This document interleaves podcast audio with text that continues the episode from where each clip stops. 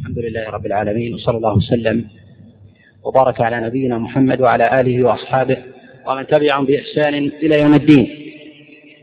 أما بعد فغير خافي أننا قد ابتدأنا بشرح هذا الكتاب من نحو أربع سنوات. وقد أحسن بعض الإخوة ظنا فدونوا أحسن الله إليهم ما تم شرحه إلى ما وصلنا إليه. حتى الباب أو الكتاب السابق دونوه بكامله. وهذا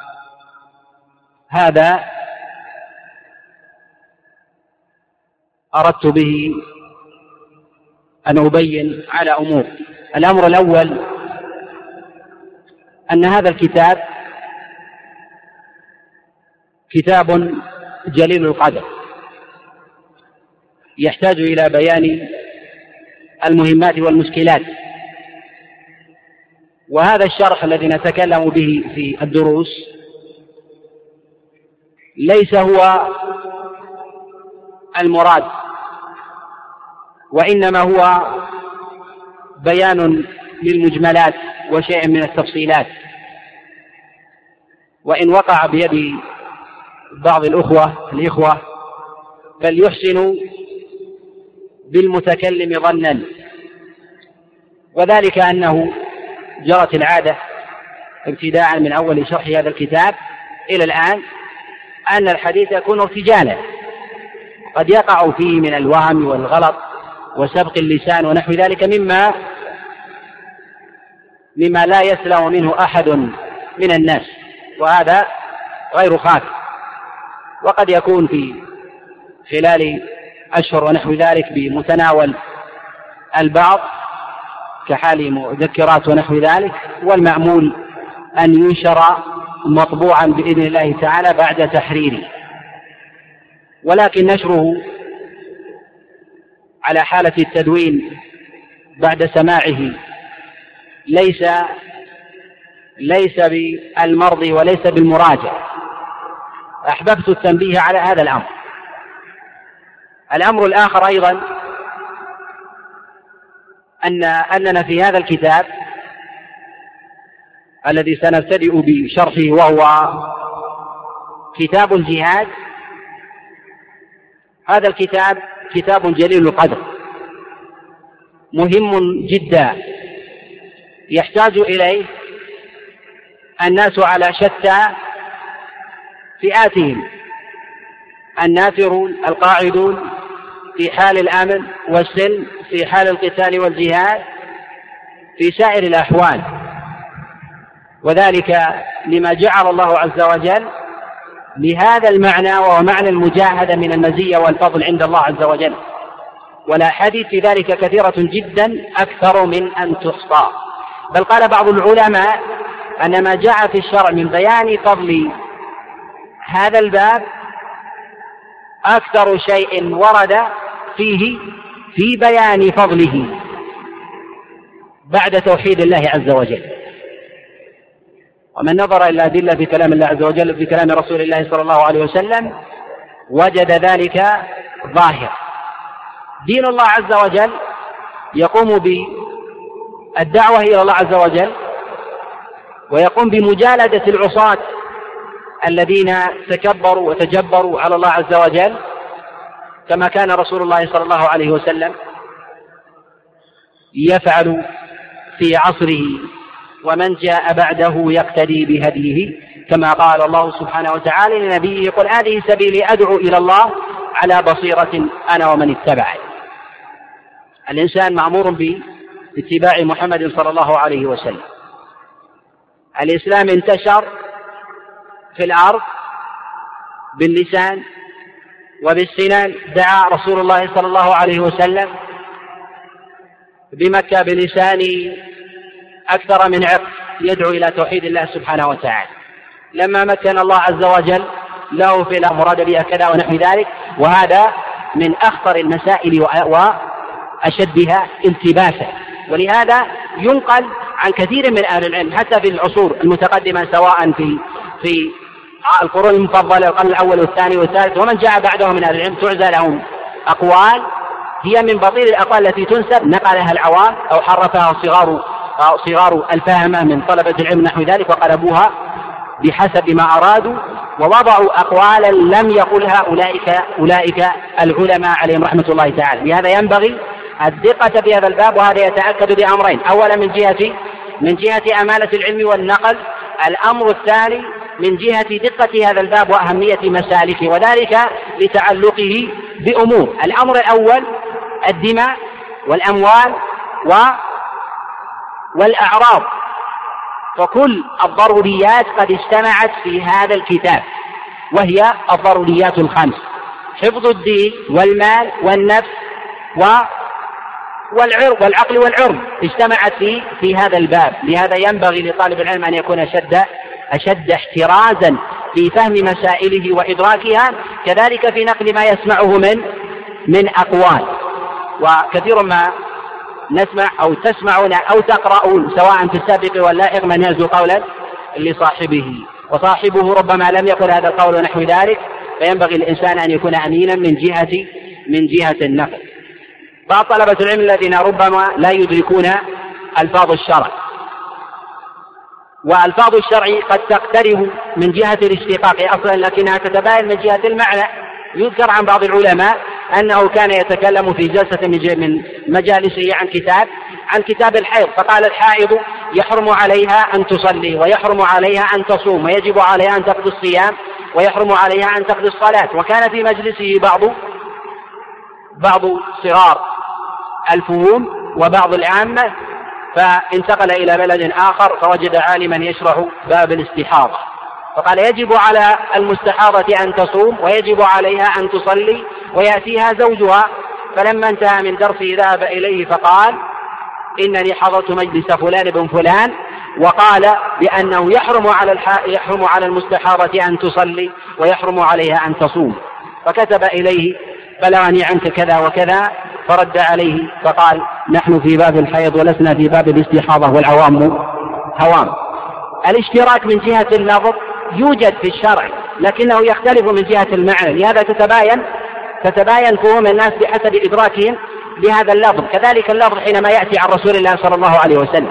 لا يلزم لا يلزم من قائله تنزيلا تنزيلا له.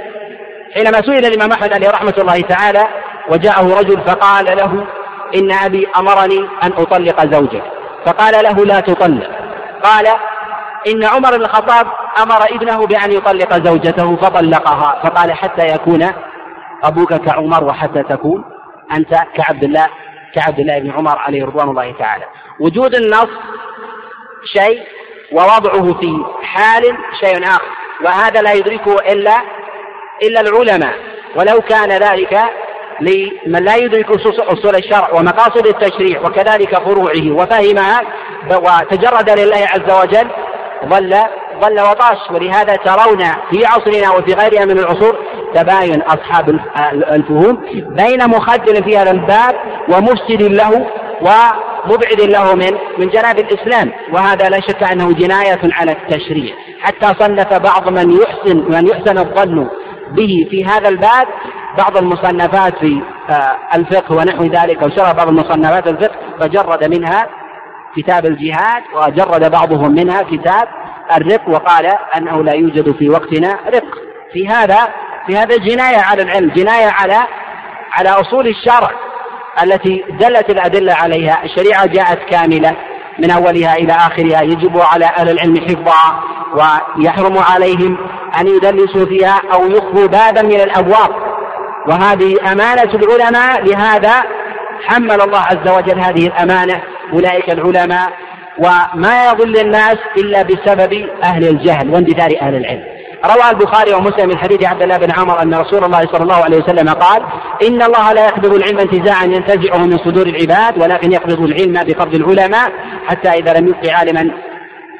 اتخذ الناس رؤوسا جهالا فسئلوا فأفتوا بغير علم فضلوا فضلوا وأضلوا. الكلام على هذه المسائل والتمثيل عليها يطول جدا ولا نحب أن يشغلنا هذا عن الكلام عن الكلام عن مسائل هذا الباب. نعم.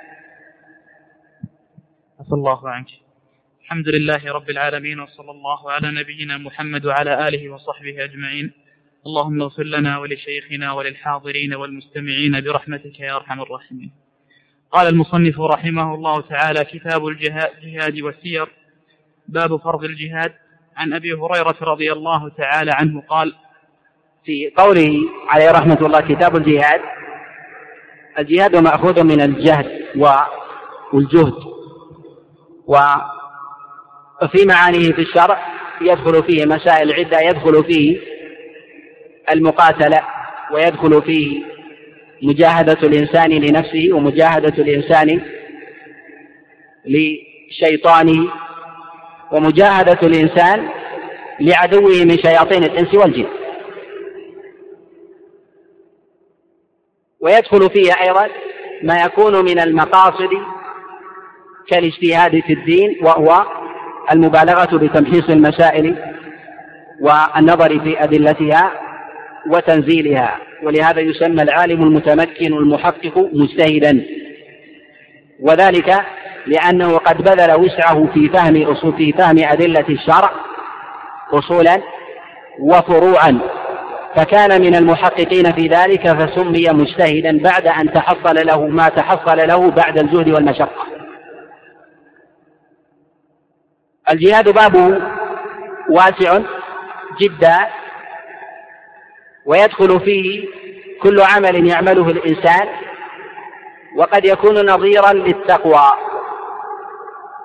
وذلك أنه كل عمل من أعمال البر يدخل من باب التقوى وكل عمل من أعمال البر يدخل من باب الجهاد من جهة اللفظ وكذلك من جهة الاصطلاح. لكنه غلب على مسألة المجا... على مسألة المقاتلة وهي مقاتل... مقاتلة الكفار ومجالدتهم بال... بالسنان خاصة. والجهاد على ثلاث عشرة مرتبة. سواء فيما يتعلق بالكفار أو ما يتعلق بمجاهدة الإنسان لنفسه أو بمجالدة المنافقين. أو مجاهدة أهل المنكرات والفسوق والفجور.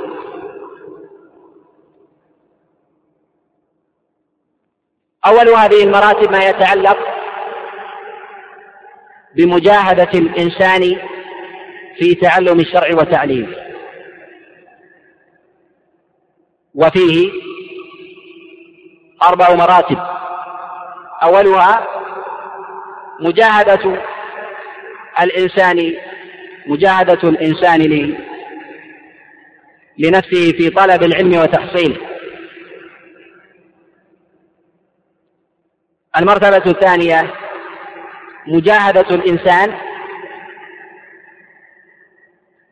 في العمل بهذا العلم الذي تعلمه ويدخل في هذا سائر أنواع التشريع. دقيقها وصغيرها المرتبة الثالثة الدعوة إلى ما تعلمه الإنسان من علم. المرتبة الرابعة هي الصبر على الأذى الذي يتحصله الإنسان في تبليغ هذه الدعوة. وبالجملة فهذا يدخل فيه إذا أراد الإنسان تفصيلا ما يليه من مراتب من جهة الإجمال وذلك أنه يلزم من تعلم الشرع والعمل به والدعوة إليه والصبر على ذلك كله دخول ما يليه من مراتب. ولكن جرت عادة العلماء أنهم ربما أدخلوا في بعض الأصول في بعض الأصول فروعا وربما جعلوا هذه الفروع قسيما لتلك الأصول. وهذا وارد. وقد جاء في الشرع أيضا. ذلك جاء في كلام الله عز وجل وجاء في كلام رسول الله صلى الله عليه وسلم. وما يتعلق بمجاهدة الإنسان للشيطان مرتبتان. المرتبة الأولى مجاهدة, مجاهدة الإنسان للشيطان فيما يتعلق بشبهاته. وتلك الشبهات هي البدع والأفكار الضالة التي تطرأ على الإنسان فكرا وعقيدة وسلوكا. ويقابل ذلك هذه الأفكار ويتحصن الإنسان باليقين. المرتبة الثانية وهي مجاهدة الشيطان في باب الشهوات. والمراد بذلك هو اجتناب المحرمات فالإنسان في نفسه غريزة بإشباع شهوته في المال وفي اللسان وفي شهوة الفرج والبطن. فيه شهوة لإشباع ذلك بباب حرام أو بباب حلال. والمجاهدة تكون في باب الحرام في باب الإيمان أو الإسلام والفسق. وفي باب الحلال في باب الزهد. وهذان البابان يصدهما في قلب الإنسان اليقين والصبر. الأول اليقين والثاني الصبر. الصبر عن الشهوات واليقين بدفع بدفع الشبهات. ولا يكون الإنسان إماما في عمل أو في قول. أو فعل أو في دين حتى يكون من أهل الصبر واليقين. لهذا يقول العلماء إنما تنال الإمامة في الدين بالصبر واليقين. اليقين في مجاهدة الشيطان بشبهاته التي يريدها وبالصبر على الشهوات التي يمليها على الإنسان. وأما ما يتعلق بمجاهدة الكفار والمنافقين. فذلك على عدة مراتب. أولها المجاهدة باللسان وذلك ببيان ضلالهم وما هم عليه من كفر وزندقة ومحاربة ومضادة ومحادة لله سبحانه وتعالى كما كان رسول الله صلى الله عليه وسلم يفعل بمكة وبالمدينة أيضا. المرتبة الثانية المجاهدة بالسنان وهي المقاتلة وهي التي ابتدأ بها رسول الله صلى الله عليه وسلم بعد هجرته إلى المدينة بعد أن أذن الله عز وجل له بالمقاتلة. المرتبة الثالثة وهي المجاهدة بالقلب. والمجاهدة بالقلب هي ما يسميه العلماء بباب الولاء والبراء. بكره ما كان وما يكون عليه الكفار من حال وحب ما يكون عليه أهل الإيمان. وهذا يحتاج إلى المجاهدة فإن الإنسان في الغالب ربما قد اغتر بما عليه الكفار من حال وقوة ونحو ذلك. ومن نظر إلى سائر أنواع الجهاد وجد أنها تتفرع عن عمل القلب ومجاهدة الإنسان. ومجاهدة ومجاهدة الإنسان للشيطان وأشياعه. المرتبة الرابعة المجاهدة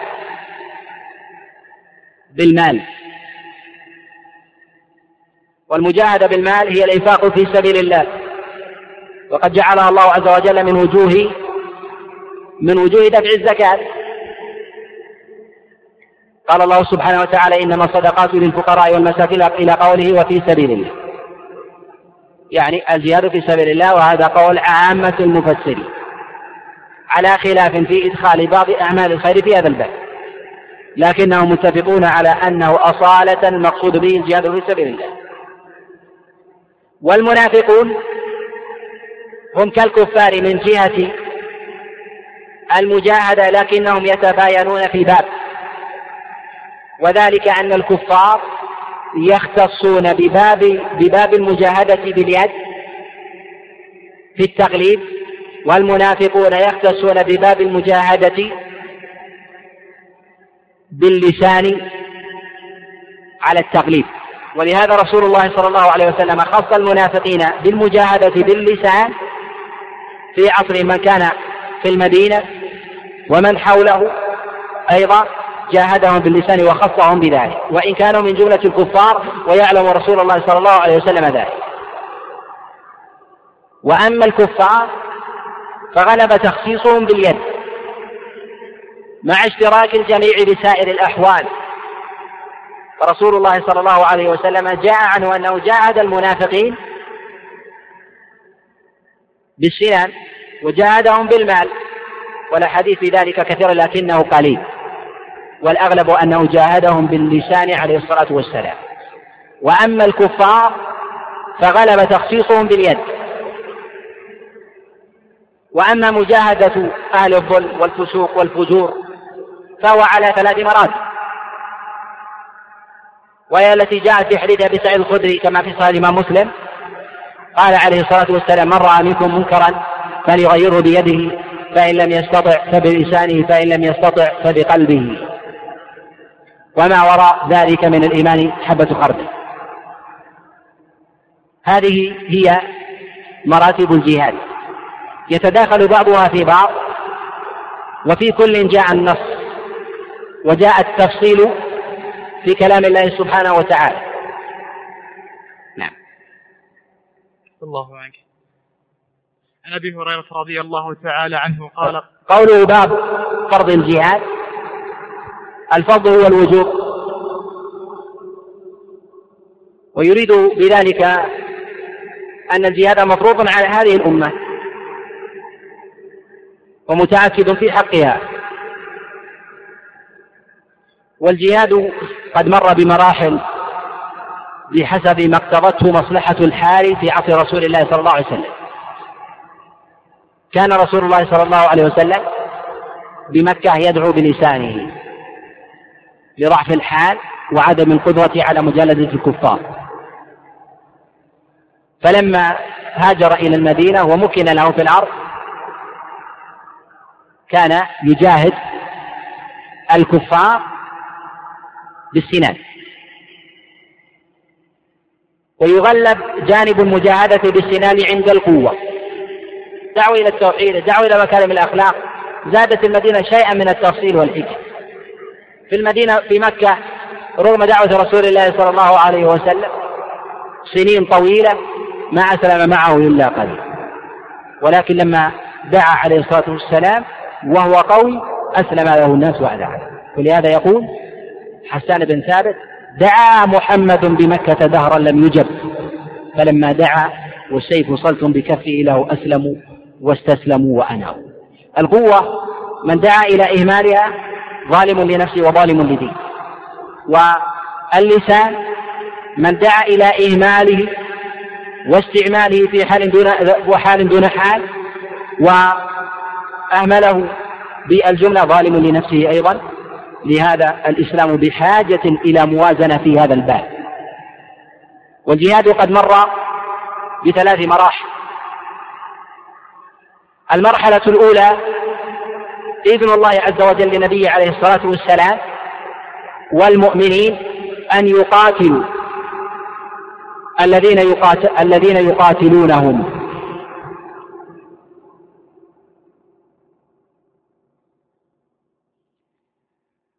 كما قال الله عز وجل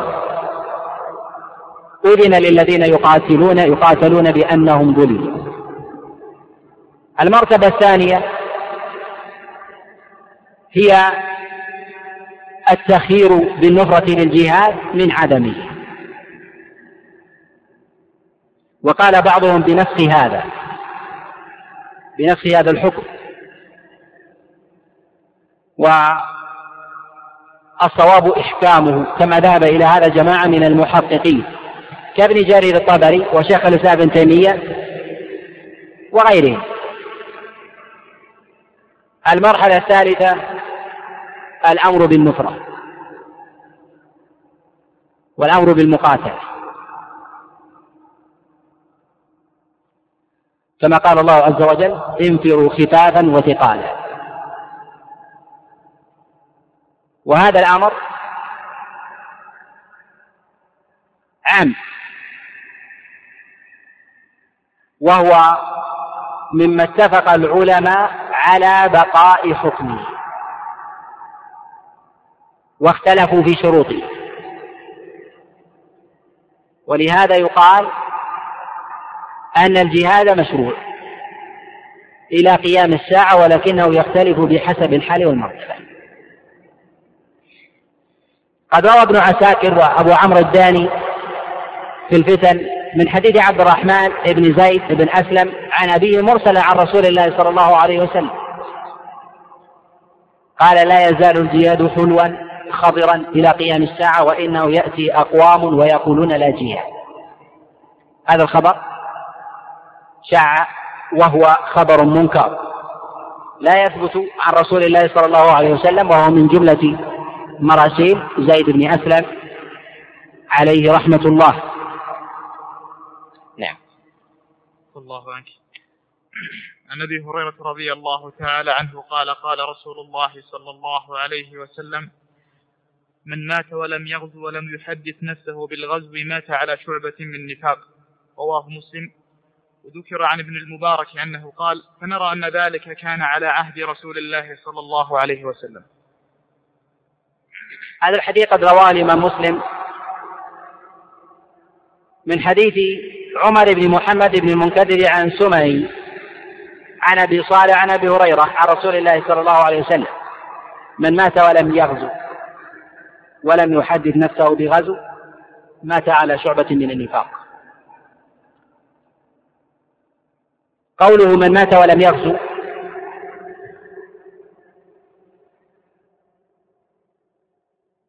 الغزو هو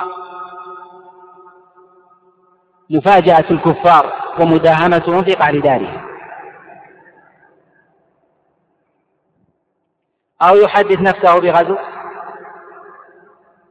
تحديث النفس هو الهمة أو تمني تلك الحال. وهنا لم يذكر عليه الصلاة والسلام تجهيز الغازي فقد يجهز الإنسان غازيا ولم يغزو ولم يحدد نفسه بغزو. فهو مستثنى نعم مستثنى. للدليل عن رسول الله صلى الله عليه وسلم. وفي هذا الحديث من بيان فضل الغزو في سبيل الله. وذلك أنه من مات ولم يفعل ذلك مات على شعبة من النفاق وإن فعل كان في أعلى مراتب الإيمان. وذلك أن الجهاد الحق لا يتحقق إلا من مؤمن قوي الإيمان. ولهذا جعل الله عز وجل الغزو والجهاد فيصل بين المنافقين وبين أهل الإيمان. يقول الله عز وجل في كتابه العظيم ويقول الذين آمنوا لولا أنزلت سورة. فإذا أنزلت سورة محكمة وذكر فيها القتال رأيت الذين في قلوبهم مرض ينظرون إليك نظر المغشي عليه من الموت. فأولى لهم طاعة وقول معروف. الكلام سهل. أما الفعل حينئذ يميز الله عز وجل يميز الله عز وجل أهل الإيمان الصالح من من من المنافقين. حينما استأذن بعض أهل المدينة من رسول الله صلى الله عليه وسلم أن يأذن له. بالتخلف عن رسول الله صلى الله عليه وسلم. عاتبه الله عز وجل بذلك بقوله عفى الله عنك. لما أذنت له. يعني بترك الجهاد. حتى يتبين لك الذين صدقوا. فالجهاد هو الذي يميز أهل الإيمان من أهل النفاق.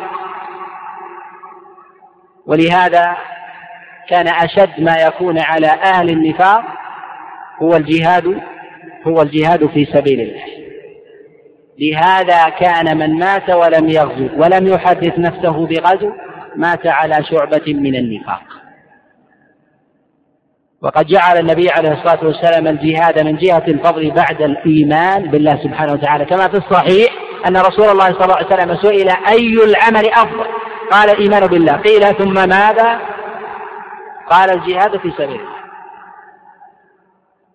وفضله والأدلة فيه قد جاءت فيه أو جاء فيه من الفضل ما لم يأت بشيء في الدين إلا في الإيمان بالله سبحانه وتعالى. جاء في صحيح الإمام مسلم أن رجلا جاء إلى رسول الله صلى الله عليه وسلم فقال يا رسول الله دلني على عمل أفضل من الجهاد في سبيل الله. فقال لا أجل فقال النبي عليه الصلاة والسلام لما عاد عليه قال أتستطيع إذا ذهب المجاهد في سبيل الله أن تدخل مسجدك فتقوم ولا تفتر وتصوم ولا تفطر؟ قال لا. قال فلا أجد إذن. وقد جاء عن رسول الله صلى الله عليه وسلم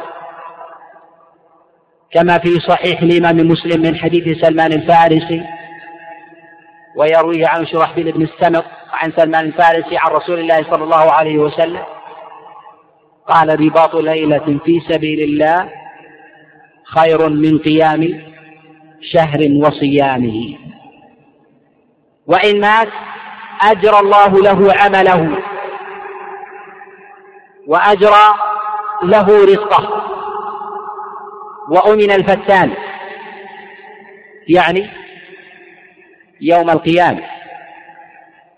وقد جاء عن رسول الله صلى الله عليه وسلم ما رواه أبو داود في سننه أن رسول الله صلى الله عليه وسلم قال من لم من لم يغزو ولم, ولم يجهز غازيا أو يخلف غازيا في أهله بخير أصابه الله بقارعة قبل قيام الساعة أو قبل يوم القيامة.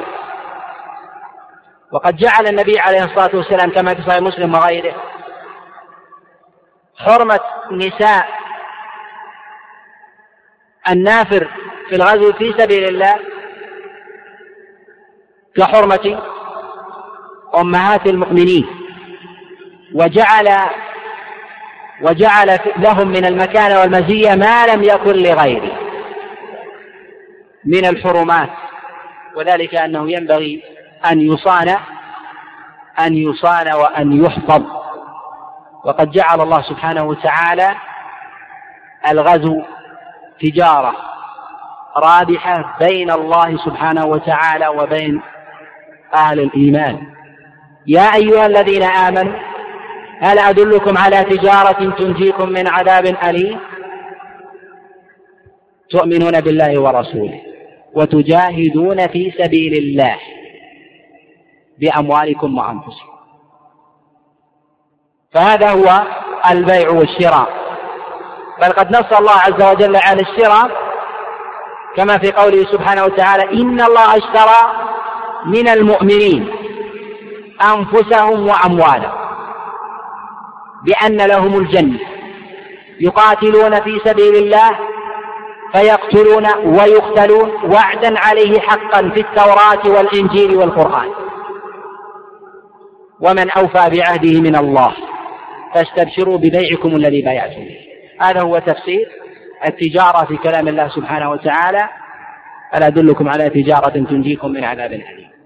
وقد جاء في ذلك ما جاء عن رسول الله صلى الله عليه وسلم عند أبي داود والإمام أحمد وغيرهم أن رسول الله صلى الله عليه وسلم قال إذا تبايعتم بالعينة وأخذتم أذناب البقر ورضيتم بالزرع وتركتم الجهاد في سبيل الله سلط الله عليكم ذلا لا ينزع عنكم حتى تعودوا إلى دينكم.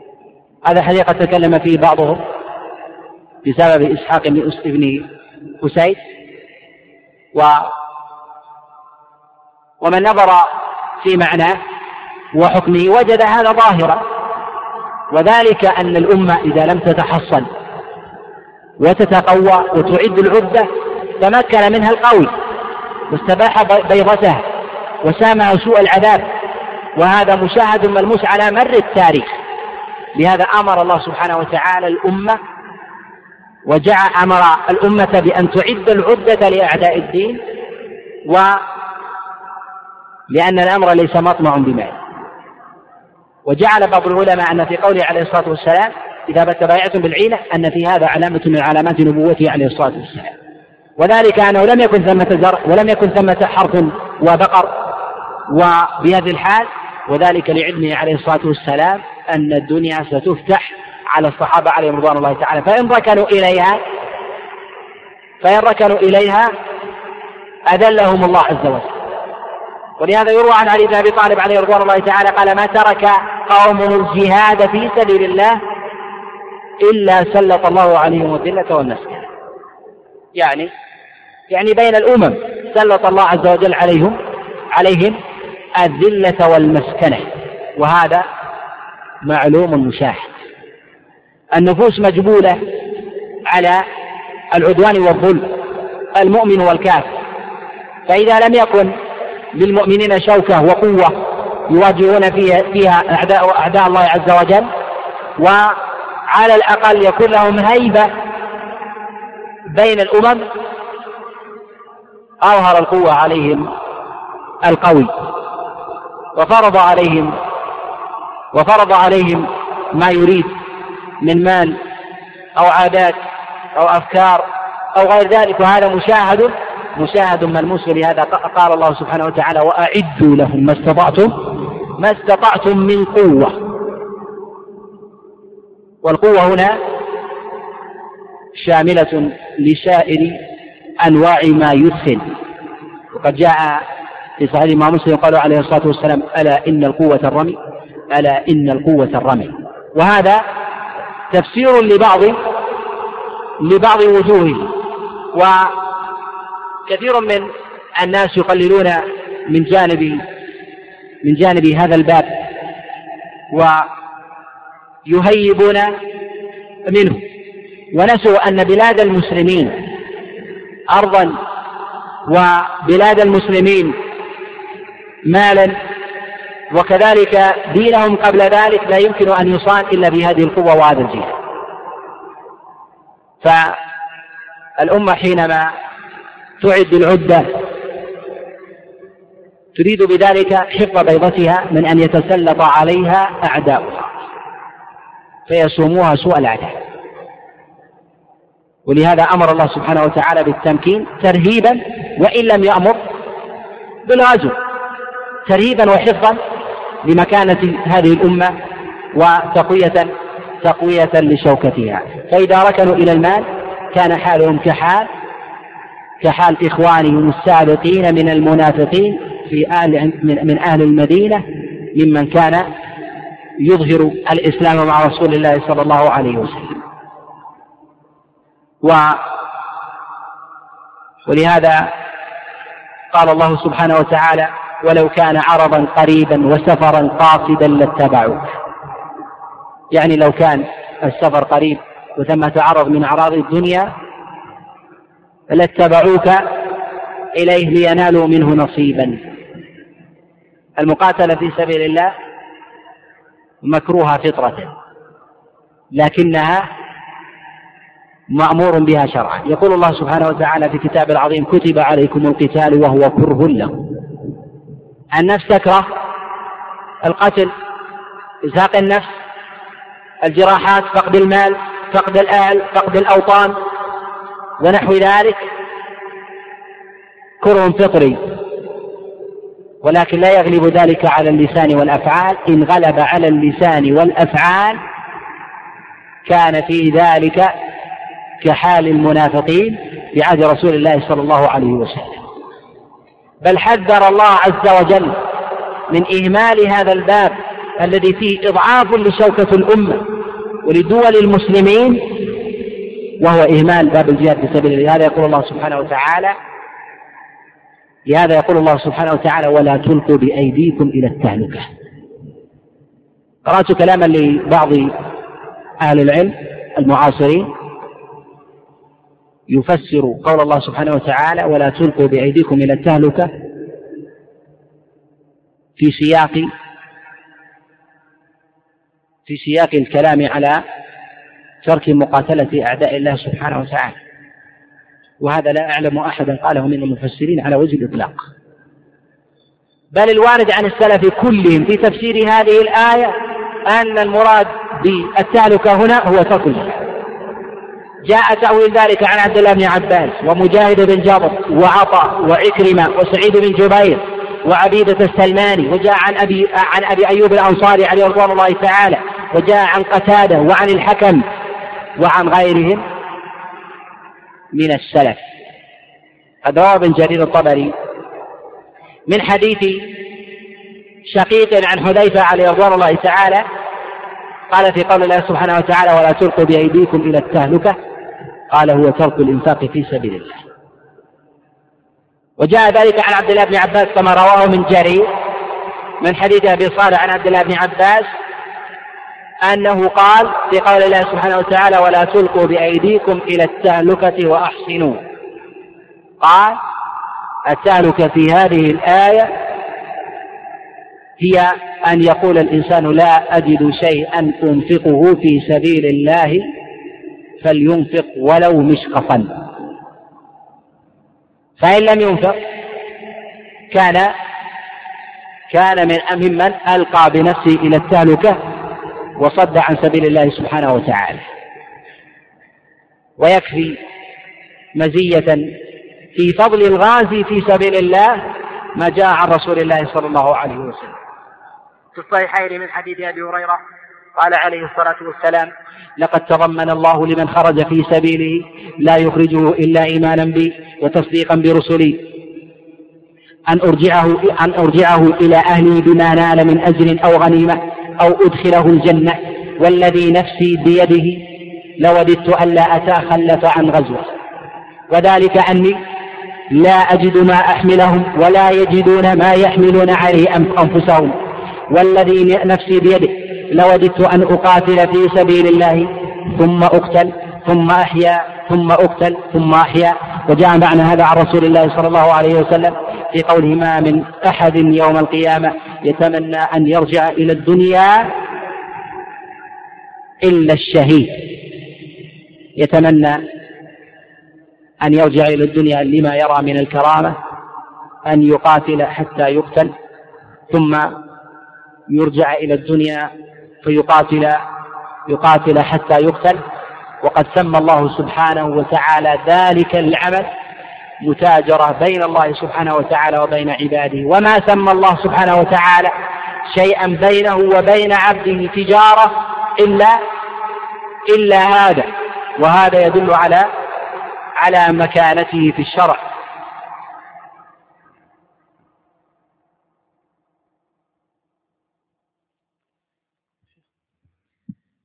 الله عنك وعن أنس رضي الله تعالى عنه أن النبي صلى الله عليه وسلم قال جاهدوا المشركين بأموالكم وأنفسكم وألسنتكم. رواه أحمد والدارمي وأبو داود والنسائي وإسناده على رأس مسلم.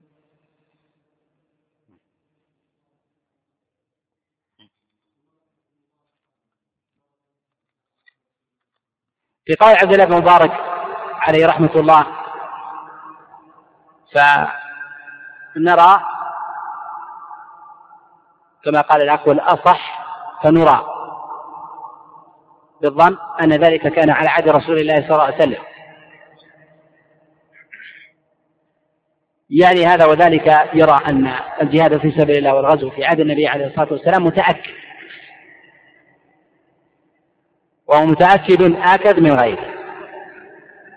وذلك أن الدعوة في ابتداء أمرها تحتاج من القوة والدفاع عن الإسلام أفضل مما تحتاجه أو أولى مما تحتاجه في حال استمرارها وتمكنها. وهذا يتعلق بمسألة من لم يحدث نفسه بغزو والتشديد في ذلك. لعله أراد أن النبي عليه الصلاة والسلام قاله في غزوة من الغزوات. وقد ذهب بعض العلماء إلى أن هذا المعنى إلى أن هذا المعنى عام والذي يظهر الله أعلم أنه معنى عام كما أشار إلى هذا الإمام النووي يعني رحمة الله تعالى في شرح مسلم.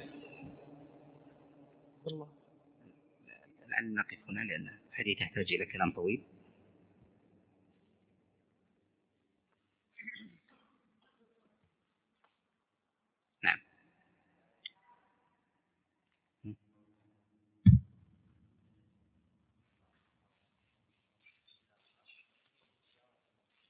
نعم.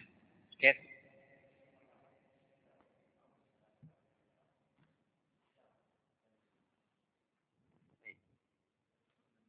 هذه ليست تجارة بين الله عز وجل وبين عبده. قد يكون تجارة يشتري الجنة قد جاء في ذلك أحاديث.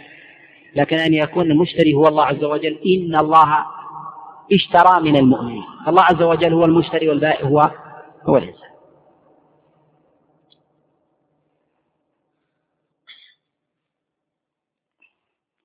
يقول أشكل عليك درس ماضي أنه لا يجوز شد الرحال إلى مسجد قباء مع أنه داخل في حر المدينة. ما ما قلنا شد الرحال لا يمكن أن يكون آه، إلا لمن كان خارج المدينة. وشد الرحال هو أعداد العدة للسفر. أما في المدينة فلا يحتاج شد الرحال. إذا قلنا شد الرحال هو قصد السفر. فالذي في المدينة لا يسافر. فالنبي عليه الصلاة والسلام كان يذهب إليه بلا بلا سفر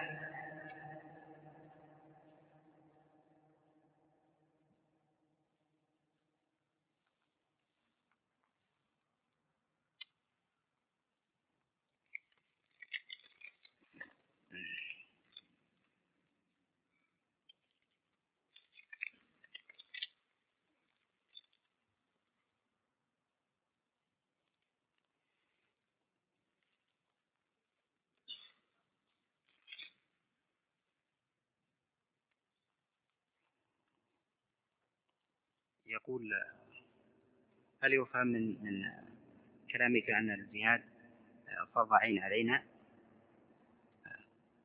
هذا ما ما كنا نخشى. هذا ما كنا نخشى. اتصل بي أحد أهل الفضل والعلم وقال لي أن شخصا اسمه فلان من الناس نقل عنك يقول أنا أبعد هذا النقل. يقول نقل عنك أنك تجيز الاغتيالات. يقول قلت الناقل فلان قال أريد أنك تقول لهذا الناقل من أين استنبط هذا الشيء. كلمت الناقل فقلت له أنت نقلت هذا الشيء؟ قال نعم. قلت من أين أخذت هذا الكلام؟ قال سألتك عن حديث كعب بن الأشرف وقلت صحيح. كعب بن الأشرف النبي عليه الصلاة والسلام. الحديث في البخاري ومسلم ماذا تريد أن أكون ضعيف؟ هذا الحديث في البخاري ومسلم النبي عليه الصلاة والسلام يقول من لي بكعب بن الأشرف فقد آذى الله ورسوله. فقام أحد الصحابة قال إذن لي لأقتله. فذهب إليه فقتله ما علاقة حينما تسترجع الحديث؟ فأحكم عليه بالصحة. أن أجيز لك الإغتيالات. هذه هي المشكلة وهذا ينطبق عليه ما تقدم في مسألة باب الحيض وباب الاستحاضة فمسائل العلم ليحذر الإنسان من النقل على خلاف وجهه. وقد يحسن الإنسان بسؤاله هنا عن مسألة الجهاد ونحو ذلك. نحن لا نجيز اغتيالات ولا ولا نقول بأمثال هذه الأقوال أبدا بأي حال بأي حال من الأحوال. وهذه لها ضوابطها في الشرع ولها أدلتها ونحو ذلك. والدماء الدماء معصومة ولا تحل إلا بما أحله الله عز وجل وهذا إنما هو لأهل العلم. وكثيرا ممن يأخذ أمثال الأدلة التي تأتي في كلام الله سبحانه وتعالى وكلام رسول الله صلى الله عليه وسلم ويريد أن ينزلها على أحداث أو واقعة أو واقعة بعينه وهذه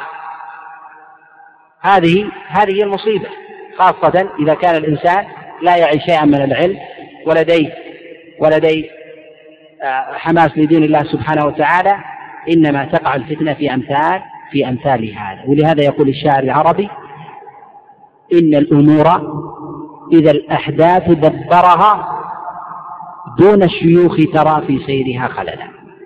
فينبغي لمن لا يفهم مسألة أو لا يدرك مسائل الدين أن يسأل هذا أن يسأل أهل العلم ولا يتجرد بأخذ الدليل على عواهنه ثم يفسره على حسب هواه. وهذا مفهوم لدى الأكثر. ولا يخفى بإذن الله عز وجل فالغلبة هم طلبة العلم أعرف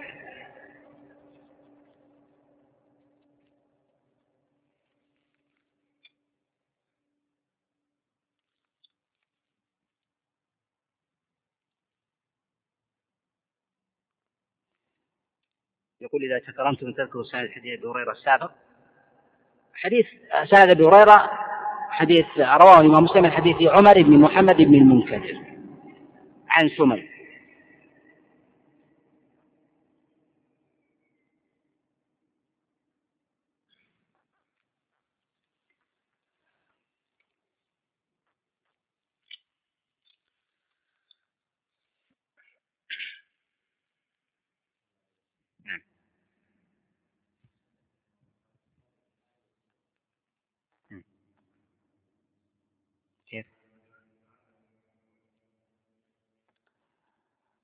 السير يعني ما جاء عن رسول الله صلى الله عليه وسلم من سيرته في مثل هذه الحال.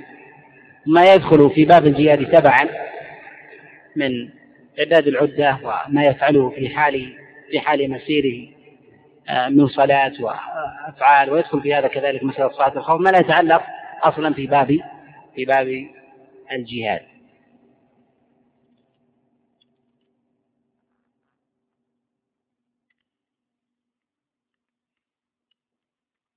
يقول ما هو الرد على من يستدل بقول الله عز وجل ولا تلقوا بأيديكم إلى التهلكة العمليات الاستشهادية من يطلق القول في العمليات الاستشهادية أنها جائزة أو يطلق عليها أنها محرمة بإطلاق هكذا؟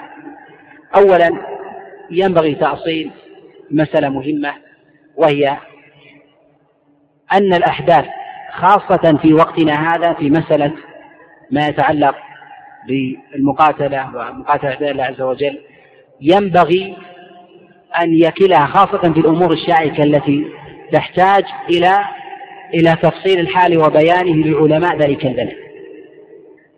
حينما يتكلم الإنسان عن مسألة العمليات الاستشهادية في فلسطين ويقول هل هي محرمة أو ليست محرمة ونحو ذلك. هذا يتبن يرجع إلى مسألة المصالح والمفاسد. المصالح والمفاسد من يدركها؟ يدركها أهل ذلك البلد. فلديهم من العلماء من يدرك هذا الأمر؟ فيفتون بمثل هذا وعلى العلماء التأصيل للمسألة. التأصيل للمسألة لا الفتوى وإطلاقها في كل حال. ولهذا كثير من الأحكام الشرعية التي يطلق فيها القول تصلح في حال ولا تصلح في حال في حال آخر. صلى الله وسلم وبارك عليه.